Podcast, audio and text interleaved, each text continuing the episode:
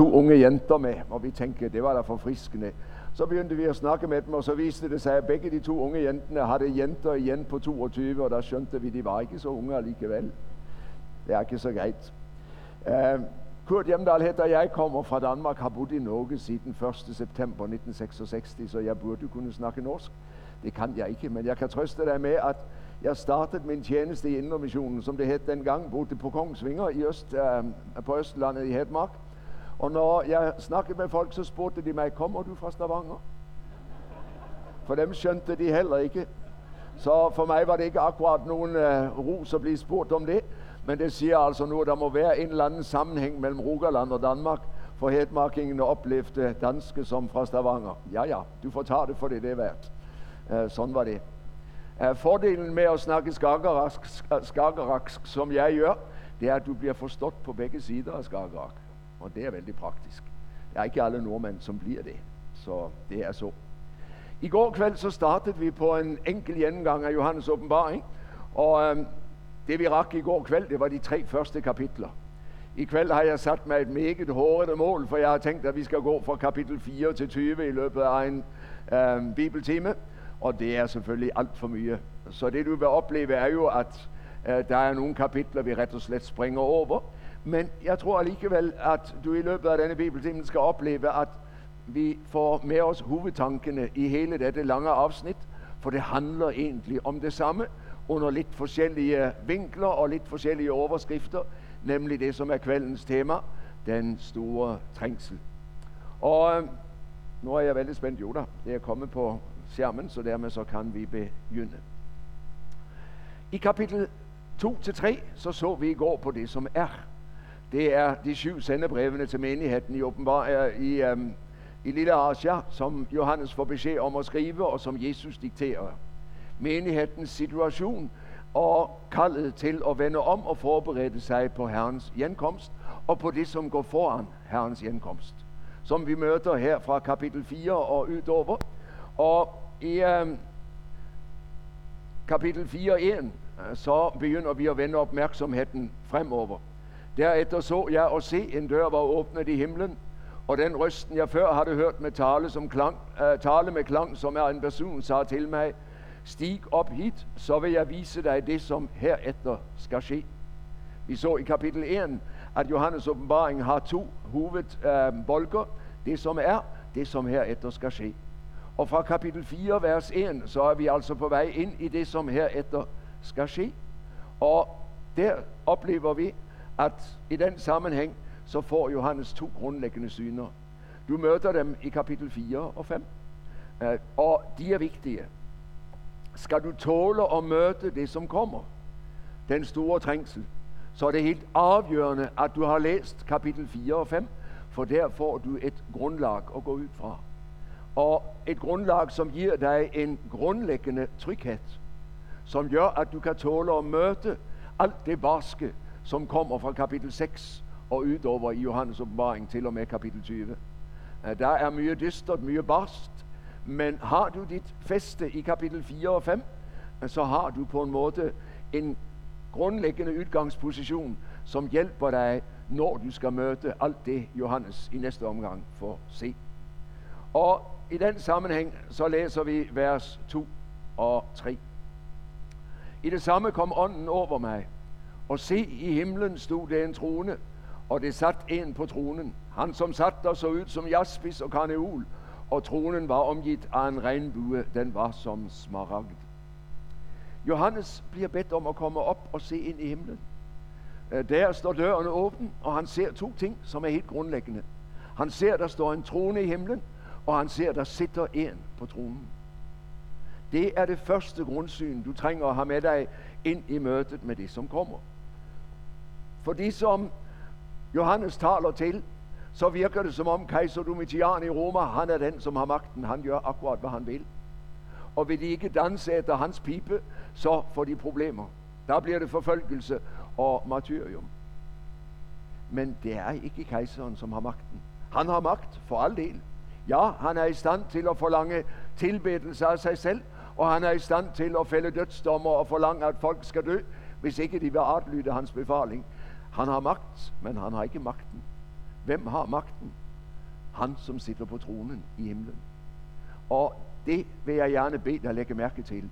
Der er en trone i himlen, ikke bare når Johannes åbenbaring skrives, men den dag i dag. Og der sitter en på tronen. Vi husker Jesu ord, når han skal give disciplene missionsbefalingen i Matthæus 28. Husker du vers 18, hvordan han begynder? Jeg har fået al magt i himlen og på jorden. Jesus har magten. Gud har magten. Det er så mye vigtigere at lægge mærke til, som du igen og igen gennem historien vil opleve, at det ser ud som om Gud ingen magt har. Udefra set så ser det ud som om Gud er hjælpeløs og har givet fra sig al magt. Ikke lad dig lure. Troen våger at se sammen med Johannes og ved, der sitter en på tronen. I gamle dage så sang vi på, på bedehuset en sang, som lød nu i retning af dette. Gud er på tronen endnu.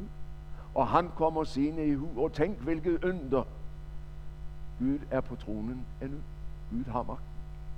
Jeg har noteret Apostelgjerningene 4, 28, og har du med dig Bibel, så kan du gerne slå op. Det er et utroligt interessant vers, og det er vel værd at stanse for. Apostelgjerningene 4, 28. Peter og Johannes har fået lov at være redskaber til, at en lam mand på tempelpladsen er blevet helbredt. I næste omgang forkynder Peter evangeliet, og dermed bliver både han og Johannes arresteret og sat i fængsel natten over. Næste dag så kaldes de frem for det høje råd, og der får de klar besked om ikke et ord mere om denne Jesus i Jerusalem. Det er slut. Vi vil ikke have det. Og Peter svarer, vi må adlyde Gud mere end mennesker. Så går de fra det høje råd ret til menigheden, og der er det bønnemøte. Og så beder de. Og jeg skal ikke læse hele bønnen, men bliv med mig ind i vers 27. Ja, i denne byen slog de sig sandelig sammen mod din hellige tjener Jesus, som du salvet. Både Herodes og Pontius Pilatus sammen med hedningefolkene og Israels stammer. Og læg så mærke til sætningen i vers 28. Alle disse, som slog sig sammen for at blive kvitt Jesus, hvad har de gjort? Alle har de gjort det, som du ved din hånd og din vilje havde bestemt skulle ske. Det er utrolig radikalt og dramatisk.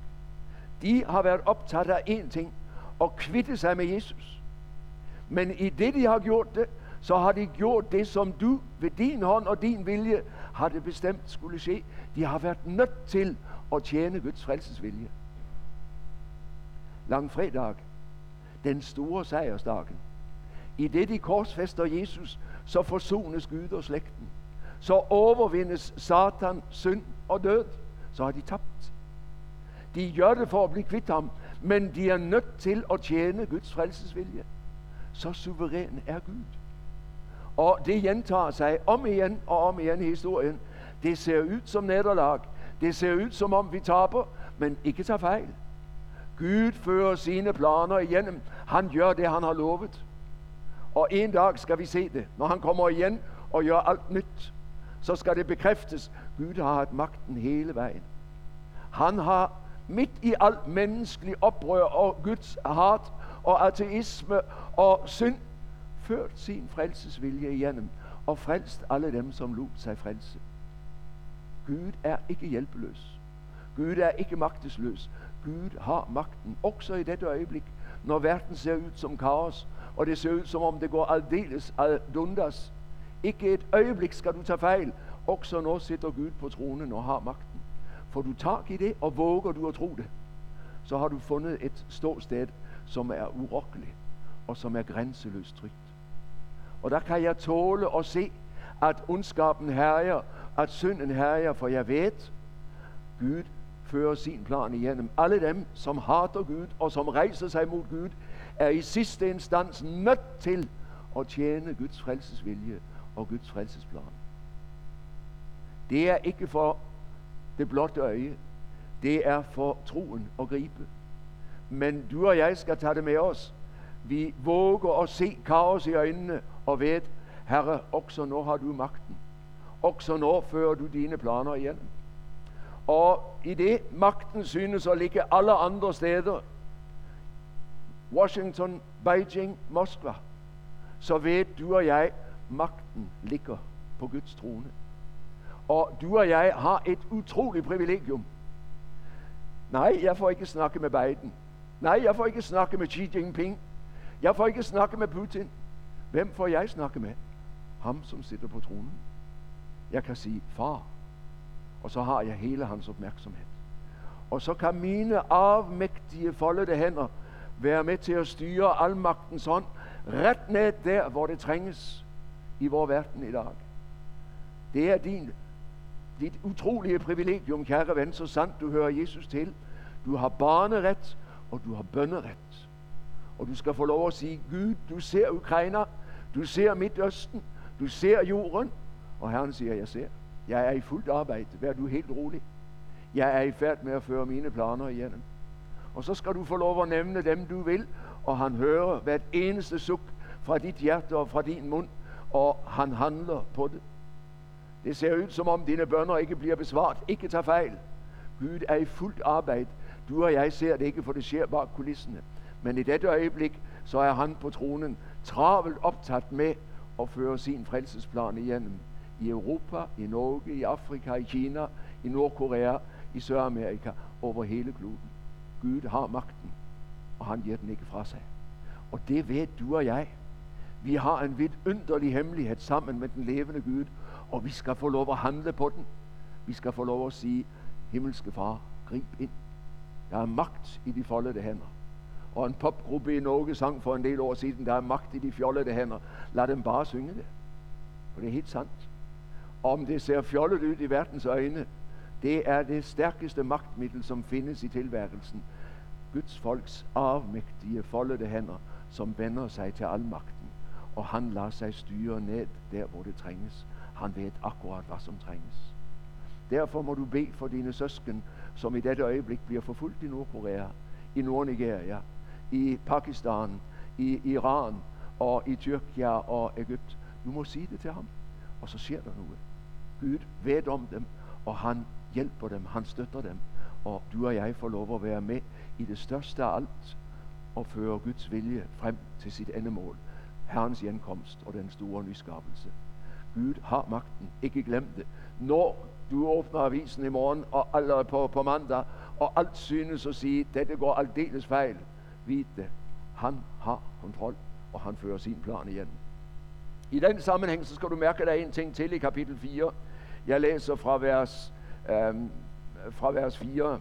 Omkring tronen så jeg 24 andre troner, og på dem sat 24 ældste, klædt i hvide klæder med sejrskranser af guld på hovedet.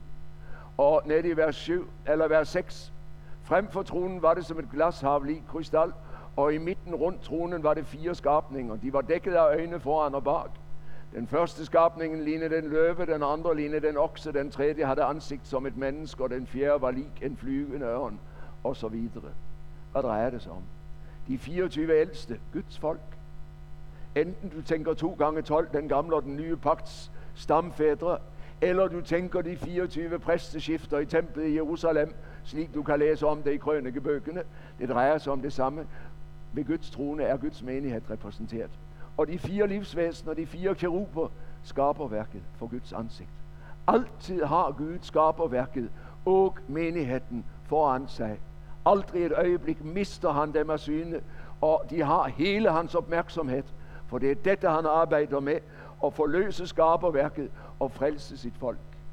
Vi er midt i Guds opmærksomhed, akkurat nu, mens du sitter i Salem i Stavanger. Fantastisk at vide, han ved om mig. Det andre, du og jeg skal vide fra disse to grundlæggende kapitler, det finder du i kapitel 5.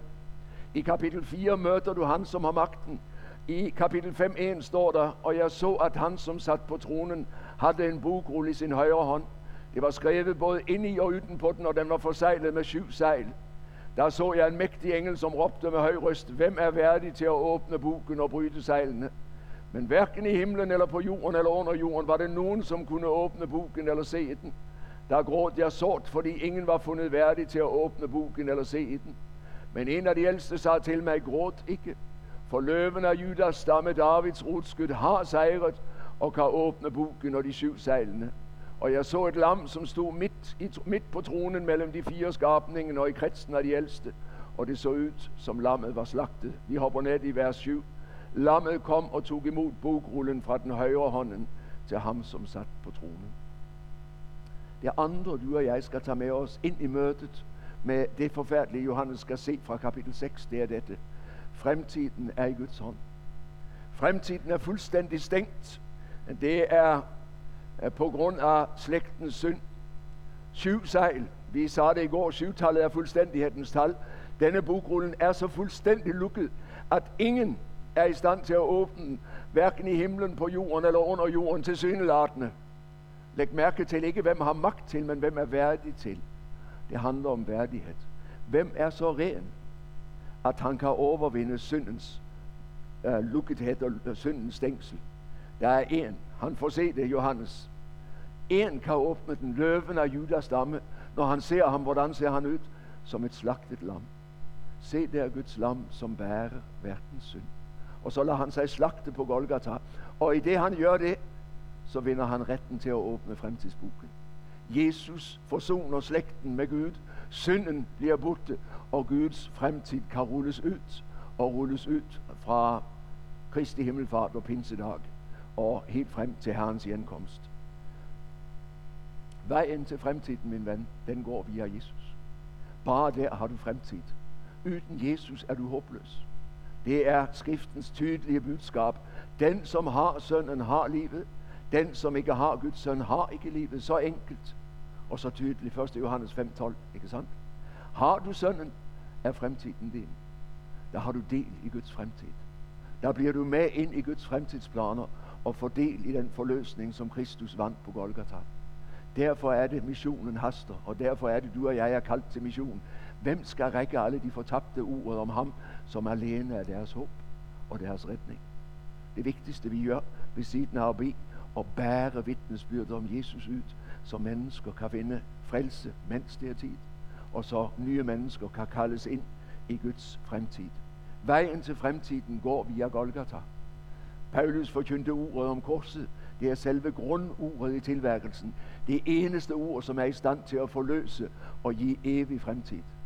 Men i kraft af korsets ord skal du og jeg få lov at vide, fremtiden er vor. I kraft af Kristus ejer du og jeg håb. Andre steder findes det ikke. Og jeg skønner, hvorfor mennesker i dag lever ud synden i højeste potens, så mye de kan. Og når man har mistet håbet, så er der ikke noget igen. Så gælder det bare at gøre mest ud af livet, mens man har det. I morgen bliver jeg til jord. Der er ikke mere. Der skønner jeg også, hvorfor unge mennesker tager strikken og slutter livet sit. For når livet ikke har mening og ikke har håb, hvorfor alverden skal jeg være her? Det er bare fortvilet alt sammen. Hvor er det, jeg finder håbet? Jeg finder det et sted i den korsfæstede opstandende Kristus. Lad ham få lov at bruge dig til at rejse håbet for mennesker uden håb. For her er håbet. Her alene. Og vi har ikke tid til at gå ind på det, men hvis du læser sidste del af kapitel 5 fra vers 8, da, de tog buken, da, da lammet tog buken, faldt de fire skabninger og de 24 ældste net for lammet. Og i næste omgang i vers 11, jeg så og jeg hørte lyden af mange engler omkring tronen og de fire skabninger og de ældste. Myriader på myriader, tusinder på tusinder. Og endelig i vers 13, hver skabning i himlen og på jorden, under jorden og på havet. Ja, alt som findes i dem, hørte jeg sige, ham som sitter på tronen, ham og lammet, være tak og ære, pris og magt i al evighed.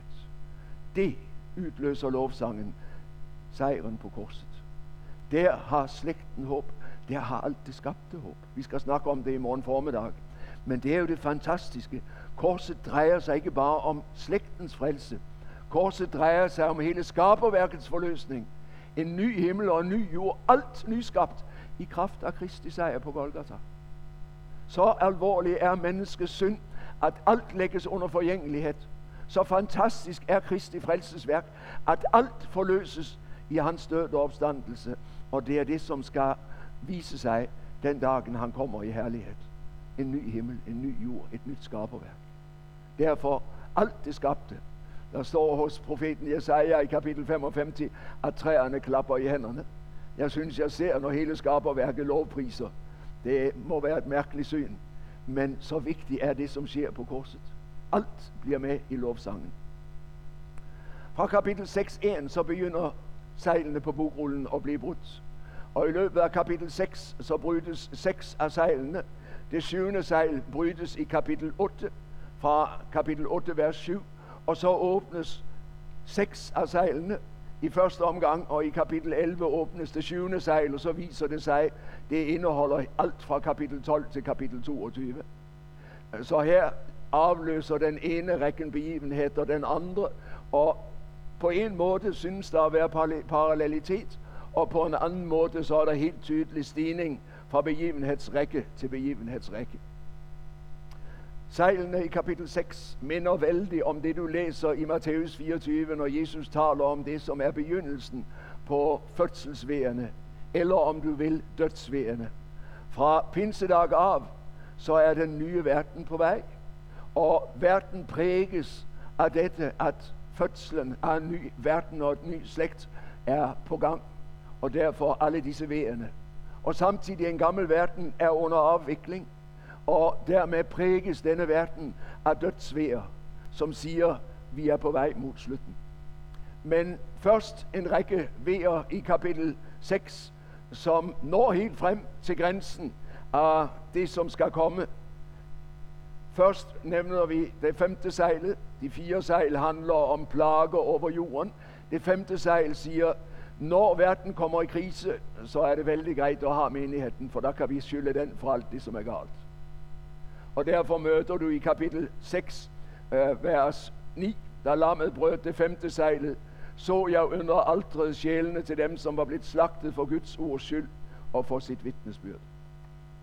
Vi sagde det i går kveld i forbindelse med menigheden i Smyrna. Frygt ikke for det, du skal lide. Nu kommer Johannes åbenbaring igen og siger, vejen frem til Kristi ankomst kommer til at blive trang for den kristne menighed. Jesus sagde det, om nogen vil følge mig, må han tage sit kors op og følge mig. Og følge Jesus og vandre med kors, hvad vil det sige? Det vil sige at vandre til et rettersted. Korset var torturredskab og henrettelsesredskab.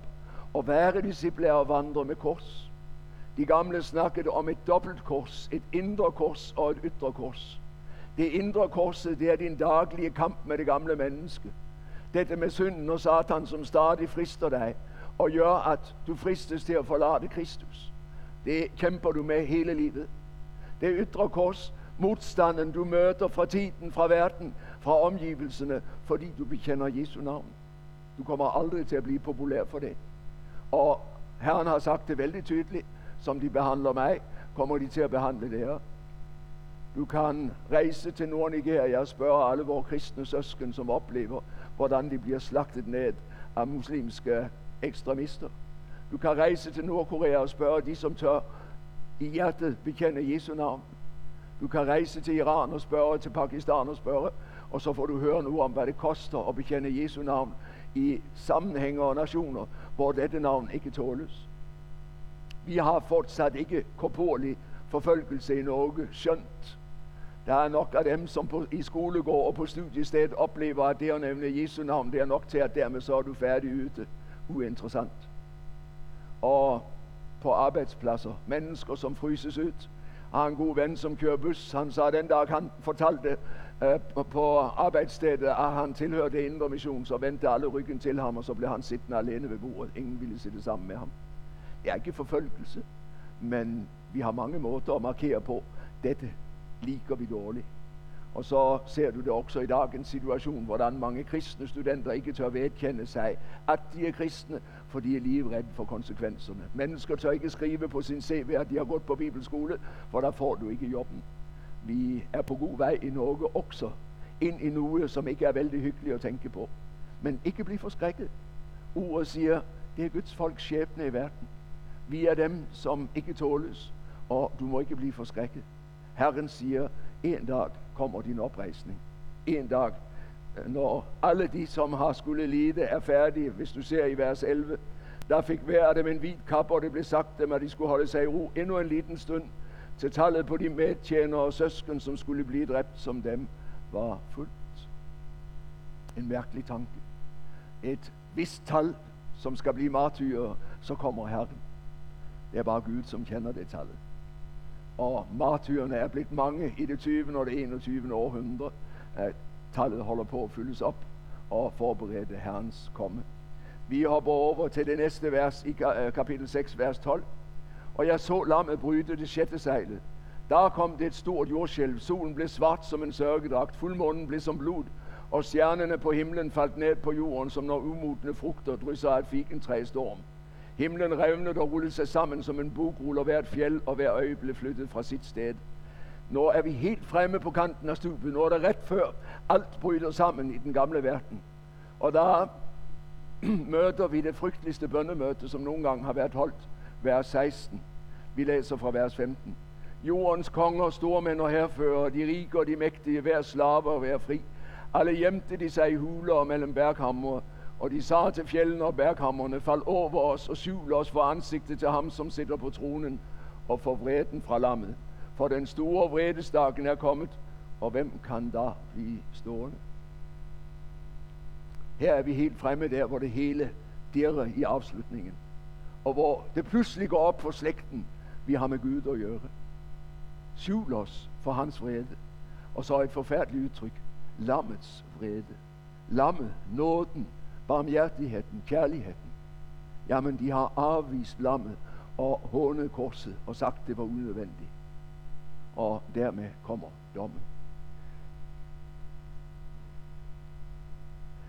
Et afgørende spørgsmål rejses. Hvem kan der blive stående? Sidste sætning i kapitel 6.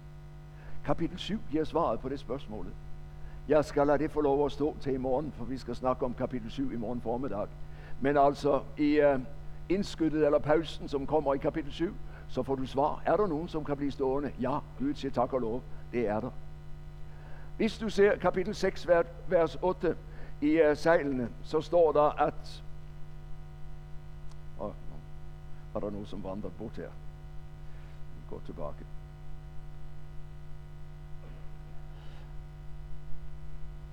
Seks, otte. De fik magt over fjerdedelen af jorden, så de kunne dræbe med svært hungersnød og pest. Hvis du ser over i kapitel 8, vers 7, så står der, en tredjedel af jorden gik op i flammer, og tredjedelen af træerne brændte op. Der er helt tydelig udvikling i det den ene begivenhedsrække afløser den andre. Sejlene er indlætningen, basunerne, det er fortsættelsen, og vredeskålene i kapitel 16, de er totale. Da er Guds dom omsider en virkelighed over hele jorden, over hele slægten. Rasunerne, når Israel skulle bryde sin lejr under ørkenvandringen, eller når folket skulle samles, så blåste man i basuner. Og dermed så henter man altså fra andre Mosebok og fjerde Mosebok, dette med basuner, som blåses i. Når blåses i basunerne, som betyder, Guds folk skal samles. Det er tid for opbrud. Og i den sammenhæng så varsler altså personerne igen domshandlinger fra himlen over slægten. Gud prøver at vække slægten til omvendelse. Først gennem øh, klimaet, gennem skaberværket, de fire første personer. Det drejer sig om jorden, om vandkilden, om havet og om lyskildene menneskets livsvilkår bliver trangere og trangere. Og i den femte og sjette person, så rammes mennesket direkte. Den femte basun er en forfærdelig græshoppeplage. Nogle mærkelige græshopper, som kommer op fra afgrunden, fra djævlen. Og som har den evne, at de plager menneskene, men forfra synes de at være vældig tiltrækkende. De har menneskeansigter og kvindehår. Der, hvor hjertet skulle have været, er der stålplater. Disse dyrene skal vi sige, en antikristelig kultur. En kultur, som prøver at forføre slægten, og som efterlader den i tomhed og livslede. Eh, nu i den retning kan tyde på. Efter det kommer storkrigen, og slægten er altså i færd med at rammes af Guds dom. Hvad er hensigten? Jo, siger kapitel 9, hvis du ser med mig ind i vers 20 og 21. Men resten af menneskene, de som slap fra disse plagen og ikke blev dræbt, de vendte ikke om fra det, de havde laget med sine egne hænder, så de sluttede at tilbede. De tilbar de underånden og gydebilder af guld, sølv og bronze, stein og træ, de som hverken kan se eller høre eller gå. De vendte ikke om fra sine mod og sin trolddom, sit horeri og sine tyverier. Den gode hørte er ute og leter. Han prøver at finde de fortabte og bære dem hjem. Det vemodige er, at så mange af dem, han prøver at finde, ikke er villige til at lade sig finde vender ham ryggen og i stedet forgår sin egen vej. Men gennem sejlen og basunerne, så går der et stærkt kald til slægten. Søg Herren, mens han findes. Kald på ham den stund, han er nær. Verden går mod sin afvikling. Nå er nådetiden. Nå er det muligt at finde en nådig Gud. De vendte ikke om. Jesus, som nærmer sig Jerusalem på palmesøndag, da han så byen, gråt han over den og sagde, hvor ofte vil jeg ikke samle dig, som hønen samler kyllingerne under sine vinger. Men dere ville ikke. Frelsen er åben for alle. Det vemodige er, at så mange ikke vil og stiller sig udenfor. Fra kapitel 12, så skifter vi perspektiv. Frem til kapitel 12, så sker alt fra himlen. Både sejlene og basunerne. Alt springer ud fra himlen. Guds dom er under udfoldelse i det Gud kalder slægten til omvendelse. Fra kapitel 12 så møder vi Guds modstander djævlen. Nu optræder han på scenen, og det viser sig, han er i fuld angrebsposition. Øhm, kapitel 12, vers 4-6.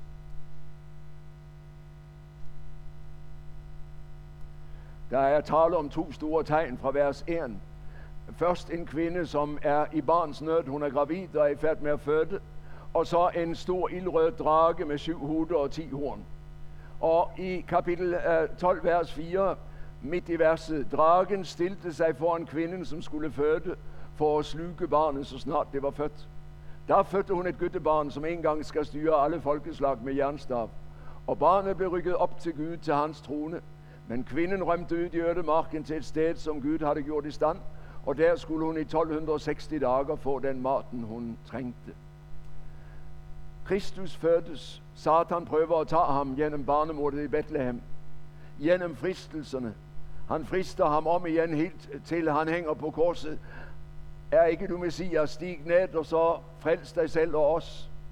Men Jesus står imod fristeren. Han lykkes ikke. Og i det han synes at tage livet af Jesus, så har han tabt. Han får aldrig noget på Jesus, og Jesus rykkes bort til Guds trone, Kristi himmelfartsdag. Menigheden bliver forfulgt af djævlen. Allerede i kapitel 6 i Apostelgjerningene møder vi den første martyr Stefanus. Og så læser vi om forfølgelse om igen og om igen. Men Guds er dødsrigets porter skal ikke få overhånd over min menighed, siger Jesus i Lukas 10. Hvad gør djævlen da? Jo, siger vi, står der i vers 17 i kapitel 12. Dragen blev rasende på kvinden og drog afsted for at føre krig mod de andre i hendes et, mod dem, som følger Guds bud og holder fast på vidnesbyrdet om Jesus. Det er dig og mig. Den enkelte kristne. Djævlen kan ikke tage hele menigheden, men han kan tage enkelt troende. Og han lægger an på os hele tiden. Du er under konstant angreb. Og ser du der omkring i Norge i dag, så ser du, at han har lykkes i at få alt for mange med sig. Ind i togen, ind i den uklare bekendelse, ind der, hvor man blander sammen gammelt og nyt, og der man mister frelsen. Jeg hadde så mange, som var ivrige, og som jeg ikke møter lenger. Hvor er de blitt av? Djevelen er i angrepsposisjon. vær klar over det. Han prøver å ta troen fra dig. Hvorfor gjør han det? Jo, fordi i kapitel 12 fortelles det, vers 7, der det ut en krig i himlen. Mikael og englene hans gikk til krig mot dragen. Og hvis du ser siste setning i vers 9, han blev kastet ned på jorden, og englene hans blev kastet ned sammen med ham. Satan er på tilbaketok fra påske og pinse. Han er i færd med at tabe. Og derfor sidste sætning i vers 12. For djævlen er kommet ned til der, og hans raseri er stort, for han ved, at hans tid er kort. I uh, Matthæus 25 læser vi, at helvede er beregnet for djævlen og hans engler. Jesus siger det i lignelsen om den sidste store dom til dem på venstre side, som har forkastet Kristus. Gå bort der forbandede til den evige ild, som er beredt for djævlen og hans engler. Det var det, som var hensigten med helvede. Men Satan orker ikke tanken på, at han skal gå fortabt alene. Og derfor prøver han at dra så mange med sig ind i fortabelsen som muligt. Han klarer ikke at se i øjnene, at han har tabt. Han må prøve at ødelægge så mye han kan for Guds frelse og for Guds frelsesplan. Og derfor angriber han. Og han finder villige redskaber. Hvis du ser kapitel 13, vers 1. Der så, og jeg så et dyr stige op af havet. Det havde 10 horn og 7 hoveder og 10 kroner på, horn, på, på hornene. Og på hudene stod det navn, som var en spot mod Gud. Dyret, mennesket nettefra, den selvstore, selvforgyldende verdensmagt, som bare vil sig selv, stiger op af folkehavet. I kapitel 17 kan du læse, at havet er folkehavet. Der kommer Satans redskab. Antikrist kaldes han i 1. Johannes 2, 18.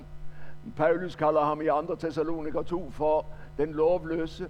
Jesus taler om ødelæggelsens vederstykkelighed i Matthæus 24. Det drejer sig om samme sak. Guds modstanden, som samler sig i personer, som stiller sig til rådighed for Satan selv, og lader ham bruge øh, dem til at tyne Guds menighed. Gud, øh, Gud bruger mennesker på jorden, Satan bruger mennesker på jorden. Og her finder han altså et redskab, som lader sig bruge. Det er en magtstruktur. Syv hoveder repræsenterer syv uh, forskellige konger, ikke sandt? Syv forskellige magter. Og det samme 10 kroner. En magtstruktur, som samtidig samler sig i en person, som rejser sig mod Gud og fører krig mod Guds folk. Og se i kapitel 13, vers 7. Det fik, dyret fik også lov til at føre krig mod de hellige og vinde over dem. Og det fik magt over alle stammer og folk, tungemål og nationer. Og alle, som bor på jorden, skal tilbe dyret. Hver den, som fra verdens grund var blevet lagt, ikke har fået sit navn skrevet i livets bog hos lammet, som blev slagtet. Dyret, ja, for de første, som læser Johannes åbenbaring inde i Lille Asia, ingen tvivl om, at det er kejser Domitian. Han, som forlanger, at de skal tilbe kejseren, og hvis ikke, så får de problemer. Så kommer de i fængsel, eller så bliver de taget af dage. I næste omgang, vi har mødt dyret mange gange i historien. En Hitler, en Stalin. Vi ser dem også i dag. Rejsehude, dem som ikke tåler Guds evangelium og Guds folk, og som prøver at kvitte sig med dem. Og du finder dem mange steder rundt på kloden. Menneskegyden betyder trængsel for Guds folk. I Daniels bog, kapitel 7, så læser vi, at fire vilddyr stiger op af havet og tyner Guds folk. I Johannes åbenbaring er de fire blevet til ett dyr. Det drejer sig om det samme. Det drejer sig om at kvitte sig med det folk, som er håret i super, nemlig dem, som bekender Jesu navn, og som derfor går en anden vej, end den verden går, og som verden derfor ikke tåler. De skal have alle til at gå sin vej. Derfor dette, at Guds folk altså bliver angrebet, og læg endelig mærke til det, der står, det fik magt til at besejre, øhm, til at føre krig mod de hellige og vinde over dem. Det nye testamente har ikke nogen lykkefilosofi om, at det at blive kristen, det betyder, at nu skal alt blive bare herlighed og glæde. Vi har mødt herlighedsteologi fra tid til tid, som siger, kom til Jesus, og så bliver alt bra. Da jeg kom til Norge i 1963 og gik på Bibelskolen, så var det ikke sjældent at høre vidnesbyrd, som sagde, hvis du tror på Jesus, så bliver du lykkelig. Kom til Jesus, så er ligesom alle problemer slut. Det er løgn, det ved du. Du bliver ikke kvitt alle dine problemer, om du bliver en kristen. Du får en del nye problemer, for du får pludselig problemer med synden. Du får problemer med fristeren. Nej, det at blive en kristen betyder ikke, at alle problemer er slut, men det betyder, livet mit er i Guds hånd, og jeg kender udgangen. Jeg har håb. Så tøft undervejs, ja, men vi er på vej mod sejrens dag. Og allerede nu ejer vi sejren i Kristus. Også når Satan tyner os og synes og lykkes i at til intet gøre Guds folk. Du kan jo undres på, hvorfor går det så godt for alle dem, som forfølger kristne kloden over? Jo, siger skriften, vi har ikke lovet noget andet. Vi følger Jesus. Han gik til Golgata. Vejen til opstandelsen går altid via korset. Der findes ikke andre måder at nå opstandelsen på. Og derfor, hvis du vil være problemfri og ikke har vanskeligheder, så hold dig langt borte fra Jesus. Men vær klar over, der har du mistet håbet. Han fik lov til at sejre over dem, og det ser ud som om de går under. Den store trængsel over Guds folk er et faktum. Jesus har talt om den. Vi har mødt den i kapitel 6 i øh, den femte, det femte sejlet. Vi møter den her, hvis du bliver med mig ned i kapitel 13, vers 15. Eh, det fik magt til dyr, øh, det andre, den andre dyr, der kommer dyr til, end den falske profet. Det fik magt til at blåse liv i dyrets billede, så det kunne tale, og til at få dræbt alle, som ikke tilbar dyrets billede. De tåles ikke, de som våger at gå på tværs. Det er Tyskland fra 1933 til 45. De som ikke fulgte Hitler, ja, hvad havde man koncentrationslejrene til? Og de som ikke fulgte Stalin, hvad havde man Gulag og alle arbejdslejrene i Sibir til? Kvitte sig Og i går døde altså en af dem, som havde våget at tale imod uh, Putin, ikke sandt? Han kvitter sig med modstanderne, for han tåler dem ikke, de må væk. Jeg skal rå alene. Jeg vil ikke have nogen til at sige mig imod. Magtmenneske, menneskeguden, som vil et, nemlig sig selv. Enten han hedder Putin, eller han hedder Trump. Det er Guds folkets situation i pres og under øh, angreb fra den onde, som prøver at ødelægge dem. Men midt i denne situation, hvor vi deler skæbne med Jesus, så læg mærke til det, som står i kapitel 14, vers 1. Og jeg så og se, lammet stod på Sions fjeld, og sammen med ham de 144.000, som havde lammets navn, og navnene til lammets far skrevet på panden. Menneskeligt talt sæt nettet fra, martyrer, forfulgte, fængslede under angreb, set ovenfra, fra det himmelske perspektiv, samlet i den gode hørtes varetægt. Hvad sagde han? Jeg kender mine og kendes af mine. Ingen kan rive dem ud af min hånd. Midt i det, at de menneskeligt talt synes at gå til grunde, så er de i Herrens nærhed, og han holder dem oppe og fører dem til livets opstandelse og til den evige herlighed. Ikke tag fejl. Ikke lad dig narre af det, du ser. Her ligger frimodigheden. En dag i 2014 stod der på en strandbred i Libya 22 mænd klædt i orange kapper. 22 kristne, som IS havde fanget, og nå skulle gøre kål på, hvis ikke de afsværgede sin kristne tro. 21 koptiske kristne fra Egypt, en ganeser. De arbejdede i Libya, og nu var de blevet taget til fange af ISIS. Alle 22 fik samme valget. Fornægt Kristus, og du skal få lov at leve. Alle 22 holdt fast ved troen, og alle 22 blev et hudekortere den morgen. Hvorfor udsætter folk sig for slikt? Fordi de har mødt den opstande. Fordi de kender ham, som har fremtiden i sin hånd.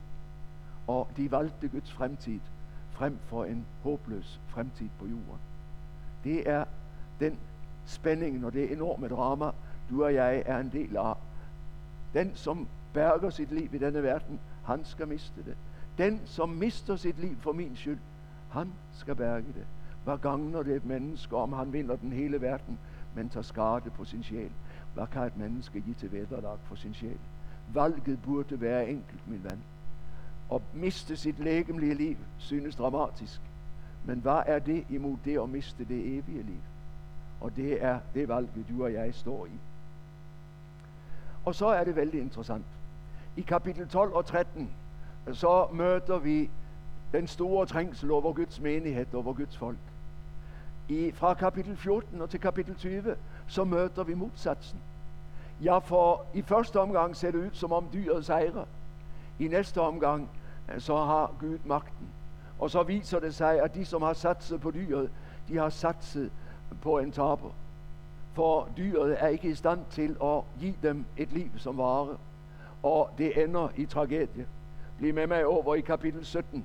Der møder vi horen, sjøken, hun som er dyrets folk.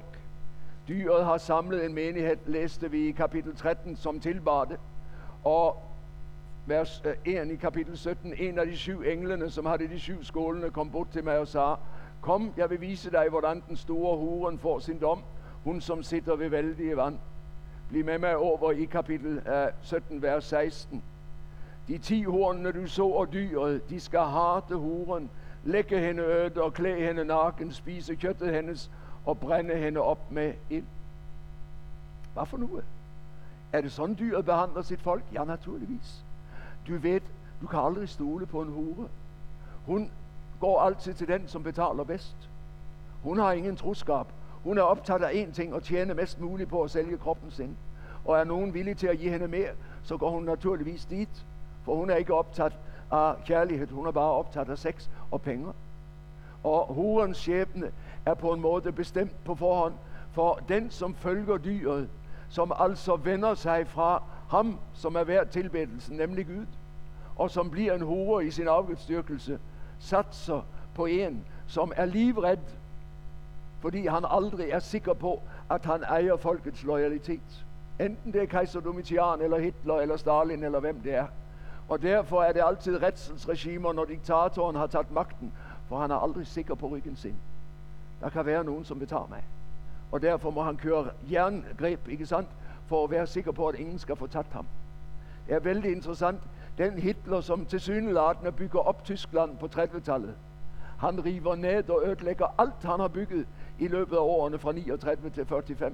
Og har du set Das Untergang, filmen om Hitlers sidste dager i bunkeren i, øh, dybt under Berlin, så ser du en gal mand, som siger, tyskerne har svigtet mig.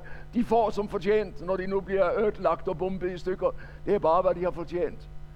Det er hans tak for sidst til dem, som har givet alt for ham, og som han nu svigter fundamentalt. Hvordan går dyrets folk under, ved at dyret ikke stoler på nogen af dem, og derfor tager livet af dem. Hitler, er Stalins forfærdelige uh, forfølgelser på 30-tallet i Rusland, han tog livet af alle sine venner, for han stolede ikke på dem. Det kunne være, at de ønskede at tage hans magt og hans plads, og dermed så sendte han dem i Ljubljanka-fængslet en efter en, og lod dem skyde eller hænge eller halshugge for at blive kvitt dem, så ingen kunne rokke hans magt. Og det var jo det Hitler i næste omgang gjorde med mange af dem, som stolte på ham. Dyret er ikke til at stole på, for dyret er bare optaget af én ting, nemlig sig selv. Og derfor er dyrets menighed, som også bare er optaget af at bærke sig selv, forfærdelig ille ytte, for dyret ødelægger ret og slet den menighed, som har taget sin tilflugt til ham. Hvordan går det med dyret? Det skal vi se i kapitel 19. Slaget ved Hamageddon fra kapitel 19, vers 11 og udover. Og der står der, hvordan himlen samler sine herskare under ledelse af den himmelske Kristus. Og hvordan verden har samlet sine herskare. Og læg mærke til vers 15. Ud af munden hans, altså af Kristi mund, går et skarpt svært. Med det skal han slå folkene. Han skal styre dem med jernstav og tråkke vinpressen fyldt af vredesvin af Guds den almægtiges harme. Og før slaget er i gang, så er dyret og de, som følger dyret, færdige. Hvis du ser ned i slutten af kapitel 19, vers 19. Jeg så dyret og jordens konger med sine herrer, samlet til krig mod rytteren på hesten og hans herskare. Men dyret blev fanget sammen med den falske profeten, han som i dyrets tjeneste gjorde underfulde tegn, og med dem forførte alle, som tog dyrets mærker og tilbar billedet af det. Begge blev kastet levende i ildsjøen, som brænder med svovl. De andre blev dræbt med sværdet, som går ud af rytterens mund og alle fuglene spiste sig mætte af kjøttet deres. De, som rejser sig mod Gud, har ikke bestand. På et eller andet tidspunkt, så vil Guds dom nå dem. Og slik går det for dyret. Slik går det for de, som følger dyret. Og slik går det for ham, som har kaldt dyret op af havet, nemlig Satan, djævlen. I kapitel 10, så, i kapitel 20, undskyld, så ser vi, at også han er færdig. I kapitel 12 er han på tilbagetog, han kastes ud af himlen. I kapitel 20, så bindes han i første omgang i tusind år i, øhm, øh, i undergrunden. Kapitel 20, vers 1-3. Han, øh, englen kastede ham i afgrunden, låste igen og satte sejl over den, så han ikke længere skulle forføre folkene. Og hvis du ser ned i vers 10, og djævlen, som havde forført dem, blev kastet i søen med ild og svovel, hvor også dyret den falske profeten er hverken dyret eller den falske profet eller dragen kan bestå. Det ender i Guds dom. Når sker alt dette? Når fuldbyrdes det? Det har været under fuldbyrdelse længe.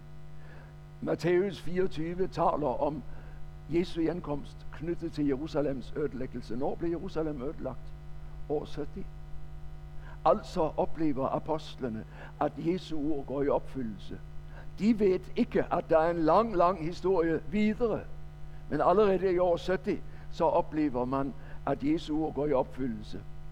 Og hvis du går videre til Johannes åbenbaring, den generation, som læser åbenbaringen første gang, de oplever, at dette sker. Året efter, at kejser Domitian har sat i gang sin forfølgelse, så dør han. Så er det ude med ham. Så længe varer dyret, og så længe varer dets magt. For vi kom i går, og vi forsvinder i morgen, ikke sandt? Så på den måde så oplever disse, at det som Jesus har talt om, både i Matthæus 24 og i Johannes åbenbaring, det får sin opfyldelse i deres tid. Men det betyder ikke, at profetien er udtømt. For det er jo det, som kendetegner det profetiske ord. Profeten Jesaja og profeten Jeremia taler til sin egen tid. Og Jeremia oplever akkurat som her, ordet opfyldes. Jerusalem går under, ødelægges, folket føres i landflygtighed. Det har han forkyndt. Men Jeremias ord er ikke udtømt. De får stadig ny aktualitet og stadig ny opfyldelse. Og tilsvarende her. Og så opleves altså den store trængsel om igen og om igen op gennem historien. Fra århundrede til århundrede oplever kristne mennesker trængsel for Jesu navns skyld, indre og ytre trængsel. I dag ved vi, at 350 millioner mennesker er under kristen forfølgelse kloden rundt.